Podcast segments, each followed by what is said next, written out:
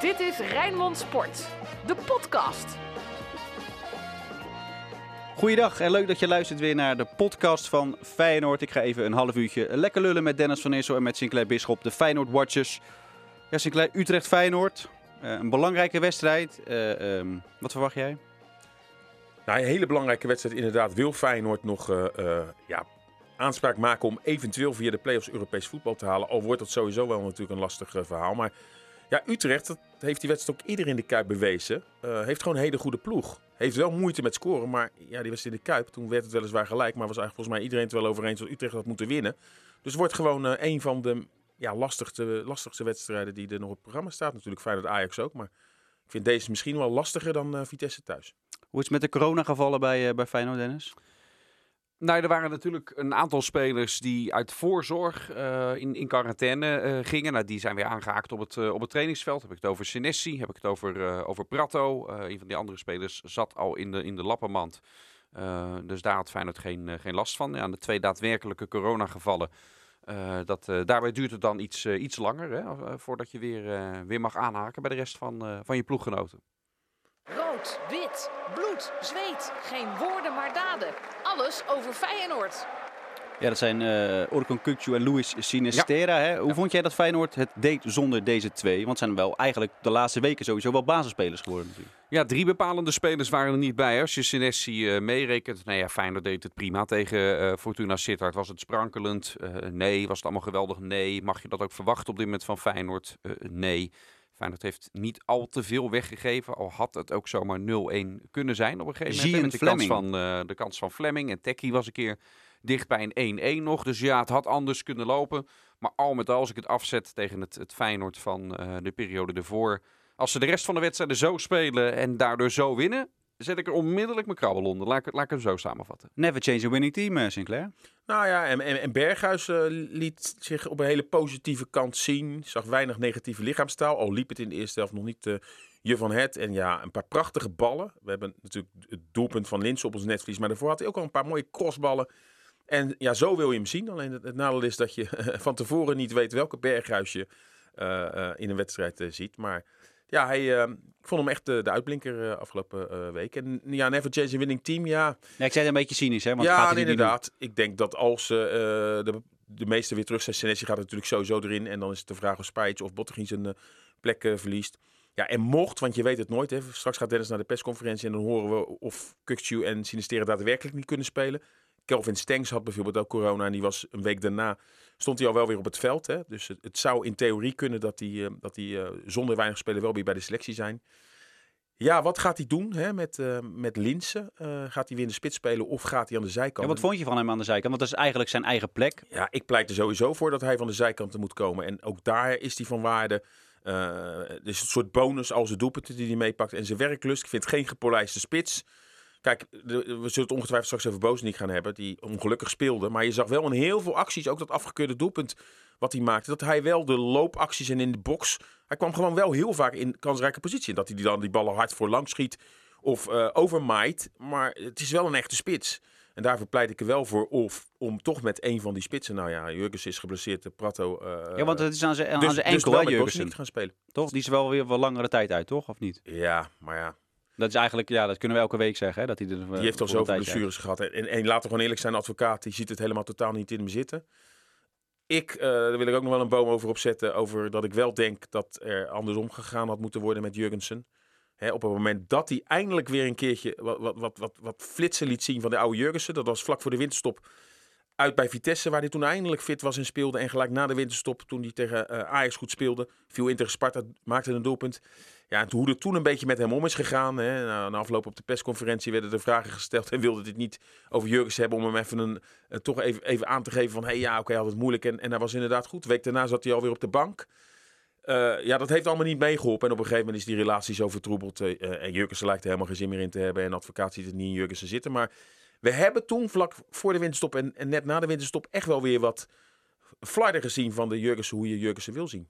Ja, maar op een gegeven moment houdt het toch ook op, Dennis? Uh, ja, op een gegeven moment dan, uh, dan loopt hij ook uit zijn contract. En dan, uh, dan ga je hem waarschijnlijk niet, niet verlengen in de vorm waarin hij nu of al langere tijd is. Het blijft wel in potentie eh, de beste centrumspits die, die Feyenoord heeft. En ja, je moet elke dag eigenlijk op het trainingsveld met hem, eh, met hem staan om, om, om te zien hoe die, hoe die er nu in zit. Hè? Eh, we hebben af en toe ook wel eens een warming-up van hem gezien dat je denkt van ja, hoeveel zin heb je er nog in? De invalbeurt tegen Emmen, waarbij hij ook niet dan op zijn eigenlijke positie staat, maar dat hij erbij loopt. ja. ja, dat je denkt van ja... En, en dat soort dingen weeg je ook mee. maar het potentieel wat er, wat er in hem zit, als je kijkt naar welke spitsen Feyenoord heeft, denk ik dat iedereen, als je het gewoon objectief bekijkt, dat hij wel uh, daarin kwalitatief uh, de beste centrumspits. Ja, ja. Maar wordt hij... Giovanni van Bronckhorst ja? zei het laatste keertje goed. Hè? Het is wel een spits met inderdaad wel een, een, gevoelige gebruiksaanwijzing. En ja, het voorbeeld wil ik dan wel aangeven is Julio Ricardo Cruz was een recordaankoop van Feyenoord. Die schopte geen deuk in een pakje boter. Onder Arihaan ja, was hij gedoemd te mislukken. Iedereen had het over een miskoop. En toen, nou, Arihaan werd ontslagen. Toen kwam Leo Beenakker. Het enige wat Beenakker deed is drie keer zuchten in het Spaans. Want Leo Beenakker sprak, sprak Spaans. Even die arm om hem heen. Ja, en de rest is geschiedenis. Feyenoord Juventus, een van de eerste wedstrijden. Uh, hij schoot er twee in en hij was los. En uh, uh, maakte Feyenoord ook mede kampioen in 1999. Sommige spitsen hebben gewoon echt vertrouwen nodig. En wat ik net wilde aangeven, net na die winterstop was dat wel het moment. Dan kan je twee dingen doen. Al meen je het niet, geef die jongen eventjes die twee veren die hij waarschijnlijk nodig heeft. Want hij heeft gewoon echt een moeilijke periode gehad. Het hielp hem ook dat die supporters allemaal bij die brug eh, stonden. Want in die periode zagen we dus wel weer wat, wat flarden van de oude Jurgensen. Ja, en wat je nu hebt gemerkt is dat daar op een gegeven moment iets is ontstaan. Waardoor, het, ja, nu heb je helemaal niets meer aan hem. En zien we inderdaad een Jurgensen waarbij van iedereen zegt... ja, die heeft kansen genoeg gehad en, en, en wegwezen met die, met die spits. Maar ja... En jullie zeggen elke keer spits, maar ziet advocaat dan nog wel als spits? Ja, hij, we hebben hem toch gewoon jaren als spits gezien. Ja, maar, de, maar advocaat gebruikt hem uh, de laatste paar keer ook als nummer 10. Dus is, is hij dan, uh, wordt hij dan helemaal geen optie meer in de spits voor, voor advocaat? Of? Nee, want advocaat is er volgens mij ook duidelijk in geweest dat uh, Linse de man is die hij op die plek gebruikt. Voor die, de andere drie spitsen. En als Jurgensen erin komt, heeft hij ook gezegd, dan is dat de eerste keer dat hij het zei, vond ik dan wel grappig. Dan uh, zei hij, we gaan Jurgensen voort een beetje als middenvelder. Maar toen viel hij nog een keer in als spits. Ja. De eerstvolgende wedstrijd daarna. Uh, maar voor de rest hebben we hem altijd, als Jurgensen al aan minuten kwam, uh, was het daarachter, hè, vanuit, vanuit dat middenveld. Ehm, waar die inderdaad, de gedachtegang snap ik op zich wel. Want als je Jurgensen in de spits ziet, zeker wanneer het niet loopt, wat doet hij van nature, wat doet hij al? Laat hij zich heel erg inzakken om op die plek op het veld ehm, dan in balbezit te komen. Eh, een van zijn krachten, zijn kwaliteiten is natuurlijk dat bal vast, de bal even vasthouden. Dat spelers er overheen kunnen komen, dat je zo verder kan voetballen.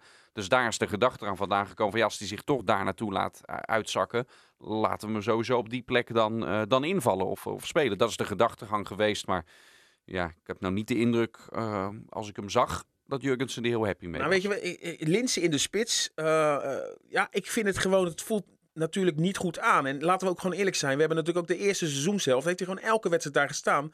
En tot aan de laatste wedstrijd voor uh, de winterstop tegen Herenveen zagen we natuurlijk ook met z'n allen elke wedstrijd. Heel veel kansen zijn dat geweest in al die wedstrijden. Van het is het net niet. Hij werkt hard. Ja, maar wie dan? Wie moet er dan nou, staan?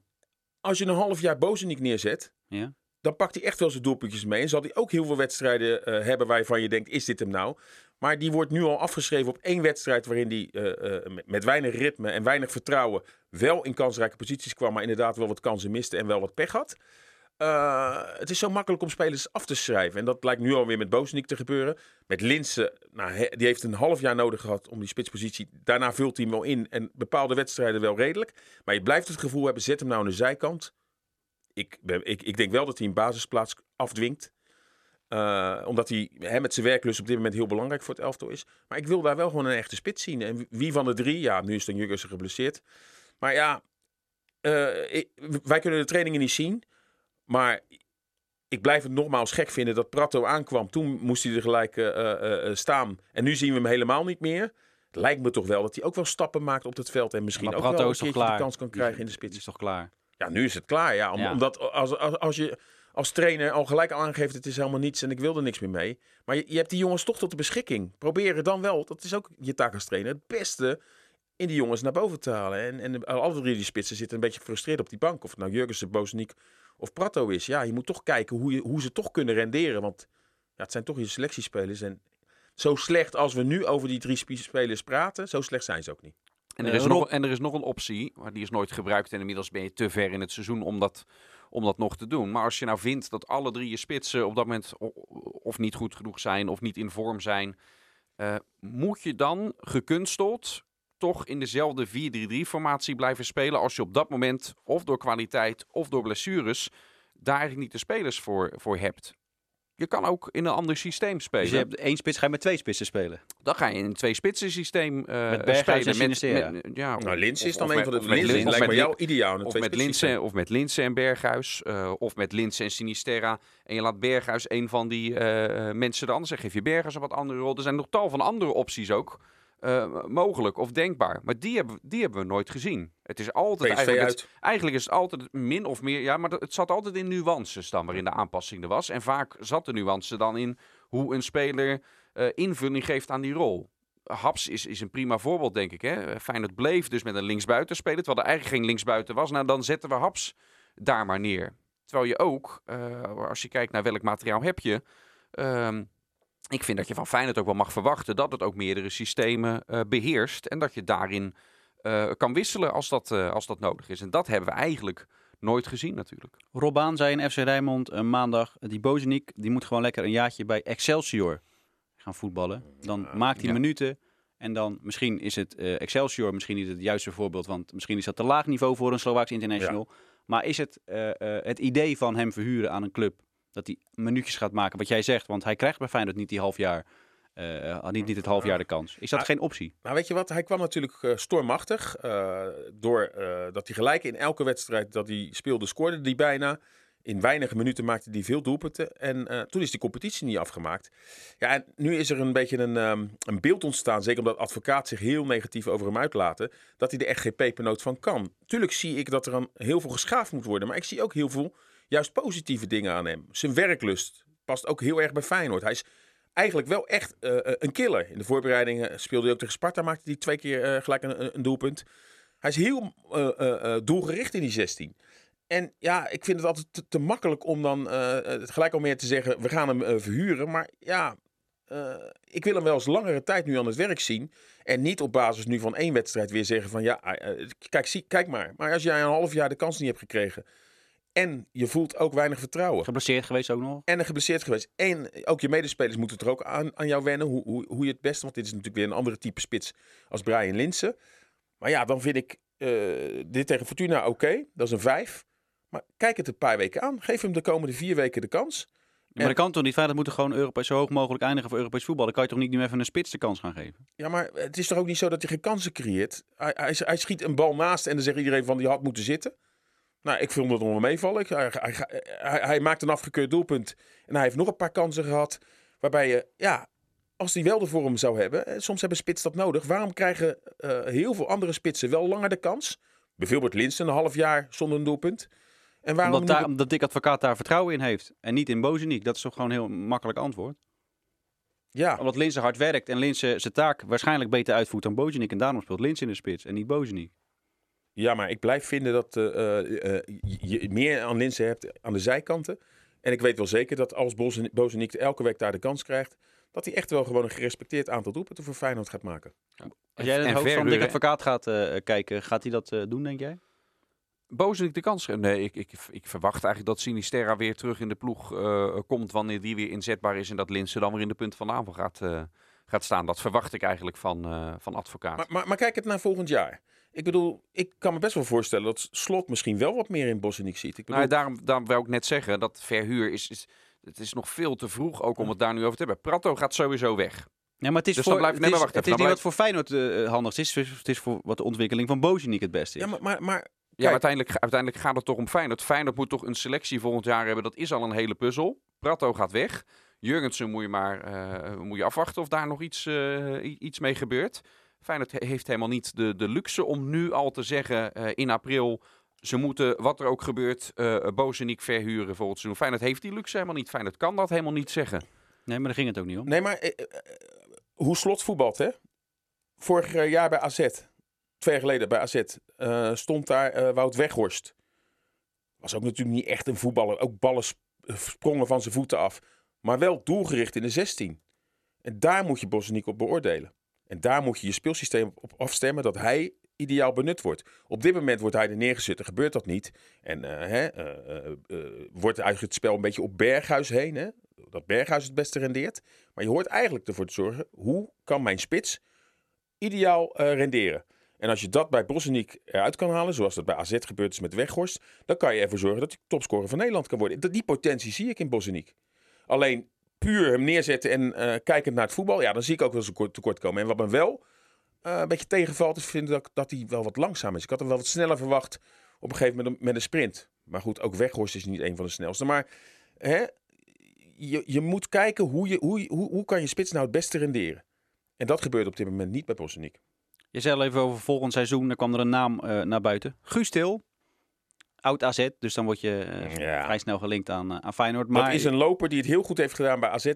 Nederland zelf toch Onder oud? andere, onder andere onder, eh, met name onder Van der Brom, maar ook slot maakte van het elftal gebruik. Maar middenvelders heeft Feyenoord zat. Antonucci komt er ook bij. Ja, die heb je gehaald. Die, die komt naar Feyenoord. Je hebt gewoon Kukcu, je hebt Diemers. Ver staat nog onder contract. Burger keer terug. En als je dan weinig... We- Weerman. Als je dan weinig geld tot je beschikking eh, hebt. Kukcu, ja, wat ga je daarmee doen? Kijk, als je hem verkoopt en alles en nog iemand verkoopt, dan zou er een optie kunnen zijn. Maar als je nu weinig beschelt, zou ik eerst andere posities gaan bekijken. We noemen, de, we noemen de beste trouwens niet eens, bedenk ik me nu. Toornstra. Ja, nee, die, worden, al- Dus- die worden altijd En dat is vergeten. ook een dus soort, dat een scheelt. soort, dat is eigenlijk een soort Til. Ja. Dus ja, ik, ik, ik zou daar pas echt naar gaan kijken op het moment dat je de andere posities die broodnodig zijn ingevuld zou hebben. Teixeira. Dit, dit is- Ja. echt de linie waarin het het minst... eh, Ja. Maar ik, ik, weet je, ik, ik snap wel... eh, het is wel de categorie spelers waar Feyenoord in moet zoeken. Hè. Je weet dat zijn club hem op huurbasis eh, eh, bereid is om, om een speler te verhuren. Nou, daar moet Feyenoord het in, het, het in zoeken. De club waar hij nu aan verhuurd is, daar speelt hij alsnog niet. Dus dat dit het, het, het type speler is, hè, gewoon FK contractstatus en Vrijburg zo. hè, zit hij nu. Ja, eh, dat, dat Feyenoord in de- deze categorie, in deze vijver aan het vissen is, dat begrijp ik wel. Ik zag een heel leuk filmpje op social media van de trainer van Real Sociedad eh, Ja. voorbij komen. Die, nou ja, die was, die was blij met de overwinning van eh, zijn eh, club. Die speelde gewoon de, de bekerfinale van vorig jaar nog eventjes eh, opnieuw. Eh, of dat is niet opnieuw. Die speelden ze omdat hij natuurlijk door corona was, eh, was afgelast. Ja, dat was in Nederland eh, eh, ondenkbaar. Terwijl als je daar nu naar kijkt, denk je, ja, waarom... Nou, het had mooi in de aanloop geweest. Volgende week is dan de bekerfinale eh, van dit jaar. Dat je dan, want de clubs zijn toch vrij, nog die bekerfinale van vorig jaar had gespeeld tussen Utrecht en Feyenoord. Ook hè, eh, eh, desnoods in de Kuip. als dat echt qua stadion niet kan, dan doe je desnoods Utrecht-Feyenoord in een ander stadion. Ja. Maar dat je gewoon, ja, ook dan heb je nog wat om naartoe te leven. En die prijs, die is dan wel vergeven. Nu zal er altijd achter het jaar 2020 geen winnaar. Terwijl die ploegen zich wel voor een finale hebben Geplaatst, geplaatst. En er hoeft dan geen Europees voetbalticket aan. Maar wel gewoon dat je de beker kan winnen. En dus in, in je prijzenkast kan toevoegen.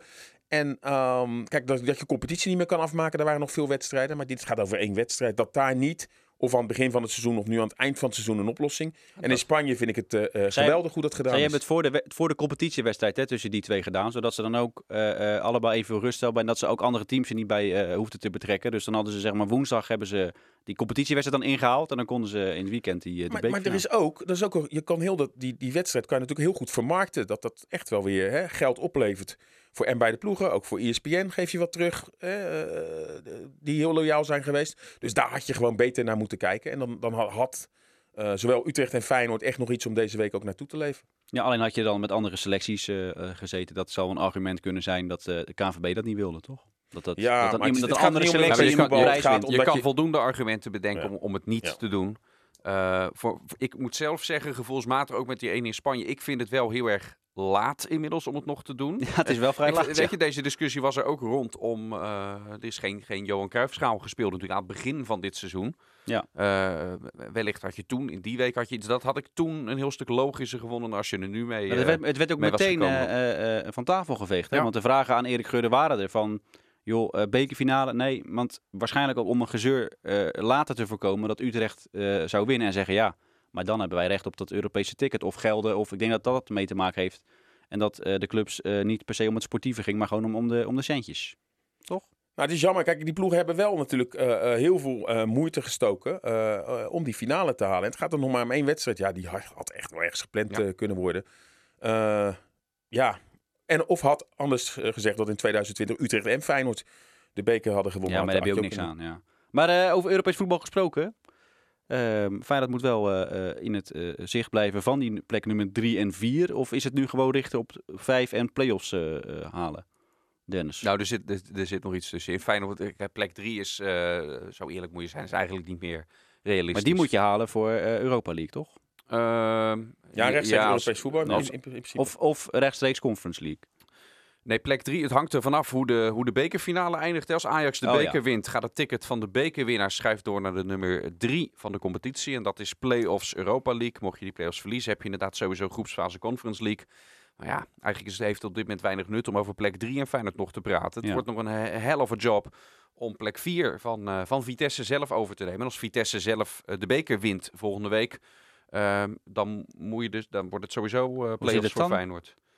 Dan wordt, dan wordt het, Dat hangt er dan weer vanaf waar Vitesse natuurlijk maakt eh, maakt het dan uit of Feyenoord boven Vitesse eindigt? Of maakt dat dan niet meer uit? Nee, dat maakt dat niet meer Nee. uit. Hè? Eh, maar dan zou AZ nog buiten eh, de top 4 moeten eindigen. Maar dat gaat natuurlijk niet gebeuren. Nee. Maar ja, iedereen roept eigenlijk al weken dat Ajax al drie prijzen eh, in bereik had. Kampioen, eh, de beker en de Europa League. Ik moet dat allemaal nog maar Ja, zien. riep- Ook of ze die mensen over de Europa League al. Nou, daar, daar, daar werden ze ook al, ook zelfs op de eigen site hadden waar? ze eh, eh, 2020. Ze hadden 1995 met Nou. alles met een Europa Cup 1 en nu 2020 met... Ja, daar werd overal al Oh. gezegd dat Ajax, eh, ja, die finale en eh, de Europa League, dat, eh, dat, dat hadden ze bijna zo zeker op benen. Zoals ook over de beker, hè? Iedereen gaat is, er maar vanuit dat Ajax die beker wint. Maar zo, is zo zie een- je maar. Scherpen brengen, scherven brengen geluk. nou, maar Vitesse heeft gewoon en een goede selectie.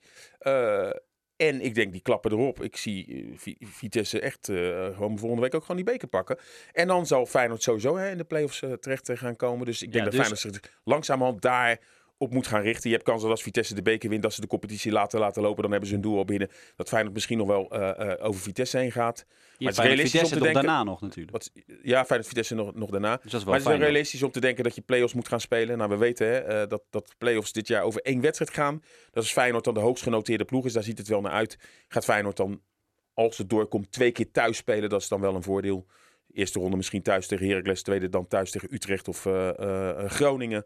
Ja, zo moet je het dan een beetje Ja. eh, gaan zien. Ja, het, is maar ja, het, is het realistisch wat Sinclair zegt, maar ik, ik, ik weiger nog om op dat punt eh, te komen. Het is, het, is, het is een gekke competitie. Ehm, Vitesse moet ook nog uit naar Fortuna, uit naar Sparta. Nu ben je, En- weet je wie je lijkt een beetje op dik advocaat nu. Die zegt, eh, je mag nu nog eh, geen conclusies trekken. Dat mag pas Nee, aan het einde vind, van de ik vind competitie. niet, je, moet, je mag je er nooit nu al bij Nee, neerleggen. Maar ik bedoel, kijk, vanavond is het realistisch? Vanavond is het Vitesse-ADO. Kijk, Ja. normaal gesproken bij elke andere tegenstander hoop je dan... en misschien wel druk en een degradatiekandidaat die Ja. een kat in het nauw... Nee, zoals dat- Emmen een punt pakken in de Kuip. Maar ik heb ADO weer zien voetballen de laatste week. Nee. Ja, dan weet je eigenlijk al dat, dat, Nee, dat dat klopt. En de achterstand dit weekend... alleen nog maar groter kan worden. Omdat Feyenoord naar Zeker, Utrecht als je moet. niet zelf bij Utrecht is. Dan krijg je na de eh, break krijg je dan wel Feyenoord-Vitesse... maar je krijgt natuurlijk ook nog Feyenoord-Ajax. Ja. Overigens, de allerlaatste wedstrijd is Vitesse, Vitesse-Ajax. Ajax. Ja. Maar dan is Ajax waarschijnlijk ook kampioen.